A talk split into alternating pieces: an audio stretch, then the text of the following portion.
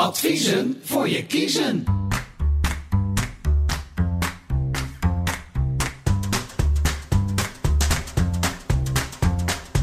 Welkom bij Adviezen voor je kiezen, een podcast met antwoorden op vragen die je anders nooit gesteld zou hebben. En dit zijn veelal vragen op het gebied van werk, gezondheid en functioneren. Karin Hosmus is geregistreerd bedrijfsarts, extern vertrouwenspersoon, consultant en directeur-eigenaar van een bedrijfsgeneeskundig adviesbureau Hosmus Synergie BV. Mijn naam is Victor Chevoyer. Ik werk als trainer, coach en mediator voor het Transitie Instituut. Al decennia begeleid ik particulieren, werknemers en werkgevers bij problemen en veranderingen. In deze podcast gaan wij het hebben over eh, wat doet nu eigenlijk een consultant? En daar weet, ja, daar weet je alles van, Karin. Net als ik, denk ik. We weten wel een beetje wat we doen, toch? Soms doen wel. Oké, soms wel. Soms wel. Dan is de eerste vraag. Wat doet een consultant? Ik heb het opgezocht op Wikipedia. En wat zegt Wikipedia erover? Nou, dat we professioneel en deskundig advies geven aan een bedrijf of individu. Dat is eigenlijk gewoon een... een eh, Adviseur. Precies. Ja. Waarom heet het dan een consultant? Heb jij enig idee? flauw idee, maar ik vind het heel hip klinken. Ja, ik vind het ook wel heel mooi. Ik, ik hoorde het terug op de andere podcast. dacht ik, wauw. ben, ben, ik, me. ben ik dat? Ben ik dat? Ben ik dat? Ja, ja. Ja. Maar het, ja, nee, dus dat, consultant. En, en je hoort het vaak voorbij komen. Dus what's in a name? Hmm. Ja. En, en die- kun je een praktijkvoorbeeld noemen waarin jouw advies gevraagd wordt? Wat buiten je normale dingen omgaat? Ja, jawel. Eh, dat is eh, dan bijvoorbeeld op organisatieniveau, als ik het naar het bedrijfsmatige trek. Eh, er kunnen ontwikkelingen zijn in een team, Mhm. waarvan men zegt, ja, die ontwikkeling willen we begeleiden of we willen een soort cultuuromslag maken. En daar hebben we hulp, begeleiding en advies bij nodig. Ja. En dan word je daarvoor gevraagd. Ehm, en dan wordt eigenlijk jou gevraagd met jouw kennis en expertise om daar wat moois van te maken. Dat is een beetje het idee. Ja, om, een, om in mee te denken. Ja. En Je gaat dan eh, ten eerste maar eens gewoon een uitgebreid gesprek aan met de persoon die je daarvoor benadert. En wat speelt er nu eigenlijk? Dus je probeert eigenlijk een indruk te krijgen van het bedrijf en, en wat de situatie is en waar men tegenaan loopt. Mhm. En zoals dat zo mooi heet, wat eh, de beïnvloeders en de beslissers zijn Ja. in het team. En eh, uiteindelijk ook waar men graag naartoe wil. En eh, dan ga je op zoek naar wat past binnen die cultuur. Oké. Ehm, wat, wat doe jij daar anders in dan ik? Ik heb geen flauw idee. Die had ik ook al. ja? Ik had ook geen idee natuurlijk wat jij altijd. Dus jij doet Nee. toch ook zoiets? Ja, dat ik zit even na te denken. Ja. Even zonder, zonder gein weer. Nou, dat kan ik toch niet zonder gein. Maar eh, waar het een beetje om kan gaan, is dat als ik eh, eh, mijn advies gevraagd wordt, dan is dat ehm, in eerste instantie vanuit het verzuim. En verzuim is ook jouw ding. Dus daar, dat eh, verzuim is dan ook van hoe, hoe kan dat? Maar vanuit organisaties ehm, eh, wordt er vaak gevraagd om mee te mogen denken. Eh, wat ik dan eigenlijk daarin eh, denk mee te mogen doen, dat ik al 30 jaar bij bedrijven en instellingen eh, thuis kom, zeg maar. Ehm, en, en al die kennis daarin meeneem. Dus als ik dan denk van joh, ehm, eh, zijn er veranderingen nodig, dan moet je eerst eens gaan bepalen als consultant, denk ik, aan welke knoppen je kunt draaien. Ja, precies. Ehm, ik denk dan bijvoorbeeld dat ik, dan ga ik eerst een beetje, en ik verzin het nu, hè, maar dan ga je eerst kijken of de organisatie eh, optimaal eh, is eh, vanuit een, een, een soort visie en missie. Dus dat je ehm, eerst gaat onder- onderzoeken of de vragensteller waar je tegenover zit de juiste vragen stelt. Of, of daar ehm, vanuit de afdeling waar die voor werkt. ehm, wel eigenlijk eh, nog steeds op de essentiële koers zit. Dat niet allerlei eh, nevendingen erbij gekomen zijn die de organisatie niet nodig heeft. Eh, tweede is of je dat kunt terugvinden in het, in het organisatorische plan van aanpak. Van, klopt de organisatie wel bij het eigenlijke hoofddoel? En dan kun je daar de dingen schrappen. Als je die organisatie helder hebt en, en, en alles klopt weer, of nog steeds, dan kun je weer een stap verder maken met diegene en kijken van joh, zitten de juiste mensen op het juiste plekje? Eh, en gebeurt er ook daadwerkelijk wat er zou moeten plaatsvinden? Ja, precies. Het is echt op zoek gaan naar maatwerk. En, en de taal van de organisatie, hè, waarbij missie, visie en kernwaarden leidend zijn. Ja. En je daar ook, ook probeert aan te sluiten en dat ook probeert de taal te laten zijn waarin je je advisering vormgeeft. Mhm. Ja, en dat is ehm, eh, soms in dat voortraject al een uitdaging. Want dan wordt al gelijk helder waar soms knelpunten zitten. Ja.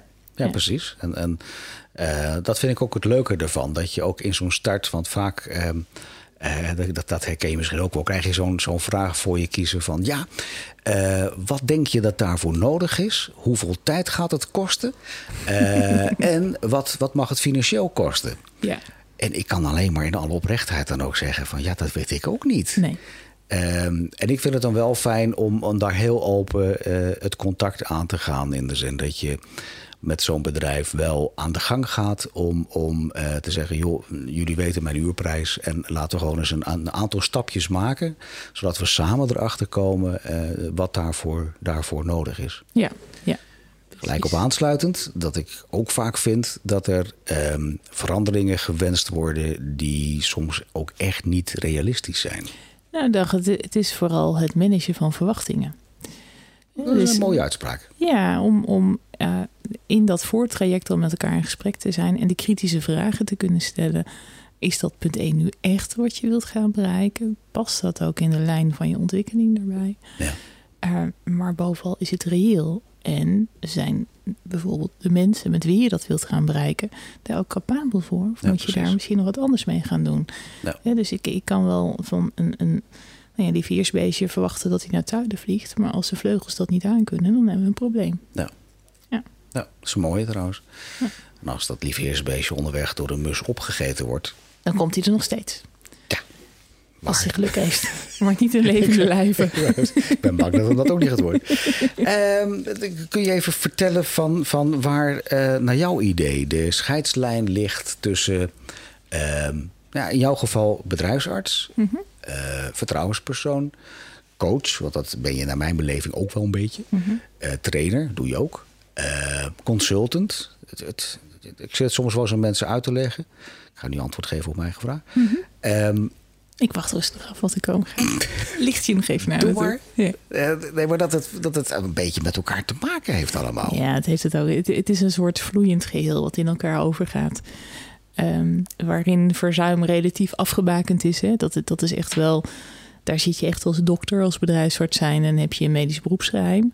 Dus het is ook heel belangrijk dat je in de gesprekken waarin je zit duidelijk en helder bent met je gesprekspartner welke rol je hebt. Ja. En eh, beleidsmatige advisering in de lijn als bedrijfsarts zijnde, dat vloeit inderdaad vaak voort uit verzuimsituaties of over arbeids- en arbo-gerelateerde zaken. En het consultancy deel is meer richting het organisatieadvies. Ja. En daar zit echt ook het verschil. Hè? Dus je hebt bij het organisatieadvies ook eigenlijk vaak veel meer te maken met groepen, met, met afdelingen. Ja. Ehm, en als bedrijfsarts zijnde ga je, nou ja, meer bottom-up. Je ziet die werknemer, je kijkt of je trends signaleert vanuit verzuim, vanuit Ja, verzuimcijfers, beroepsziektemeldingen, dat soort zaken. En schakelt vanuit die zijde meer op. Terwijl je in het consultancy deel dat eigenlijk veel meer top-down doet. Van nou, ik zie een hele populatie.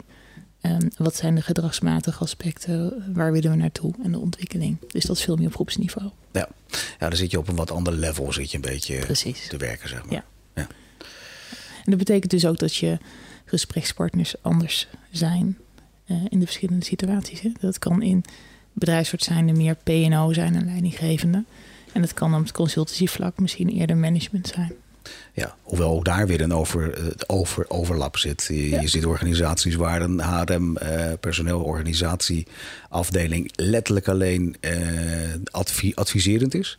Correct. En je Ja. ziet ze ook waar ze budgetholders zijn en een hele andere in- Ja. invulling daarna. Ja, Ja, dat betekent dus ook dat je ten eerste, kijk, die rolverduidelijking die je zelf moet geven, moet je ook krijgen van de organisatie waar je bent. Dus ja. vandaar dat ik ook zei, het is heel belangrijk om helder te hebben wat het speelveld is, wat de beïnvloeders, beslissers zijn, wie je opdrachtgever is, Ja. maar ook wat de belangen zijn. En wat de rol van de opdrachtgever zelf is. Ja, correct. Want kun jij er ook uit, uit wat eh, ervaring spreken? De- de- ik krijg echt hele grote vragen in de ogen in de zin van positieve of negatieve ervaring. Nou ja, beide. beide. Beide, beide, beide, beide. Kijk, beide. eh, eh, niks, ja, ieder mens heeft zo zijn eigen belangen. En eh, die die spelen natuurlijk bijna altijd ook wel mee. Ja. En, en dat is prima als je het maar open op tafel legt. Ja. Eh, want dan Maar dat moet het- diegene dan wel kunnen. Ja, en soms gebeurt dat in vertrouwen en soms gebeurt het niet. En dan kom je gaandeweg het traject dat je met elkaar aangaat, de route die je bewandelt, kom je er uiteindelijk toch wel achter. Mhm. En dan is het belangrijk om het bespreekbaar te maken. Ja. Maar dat is nog geen, geen sleutel tot absoluut succes. Want Zeker niet. bespreekbaar maken wil nog niet zeggen dat het ook ehm, voor die mensen zichtbaar wordt.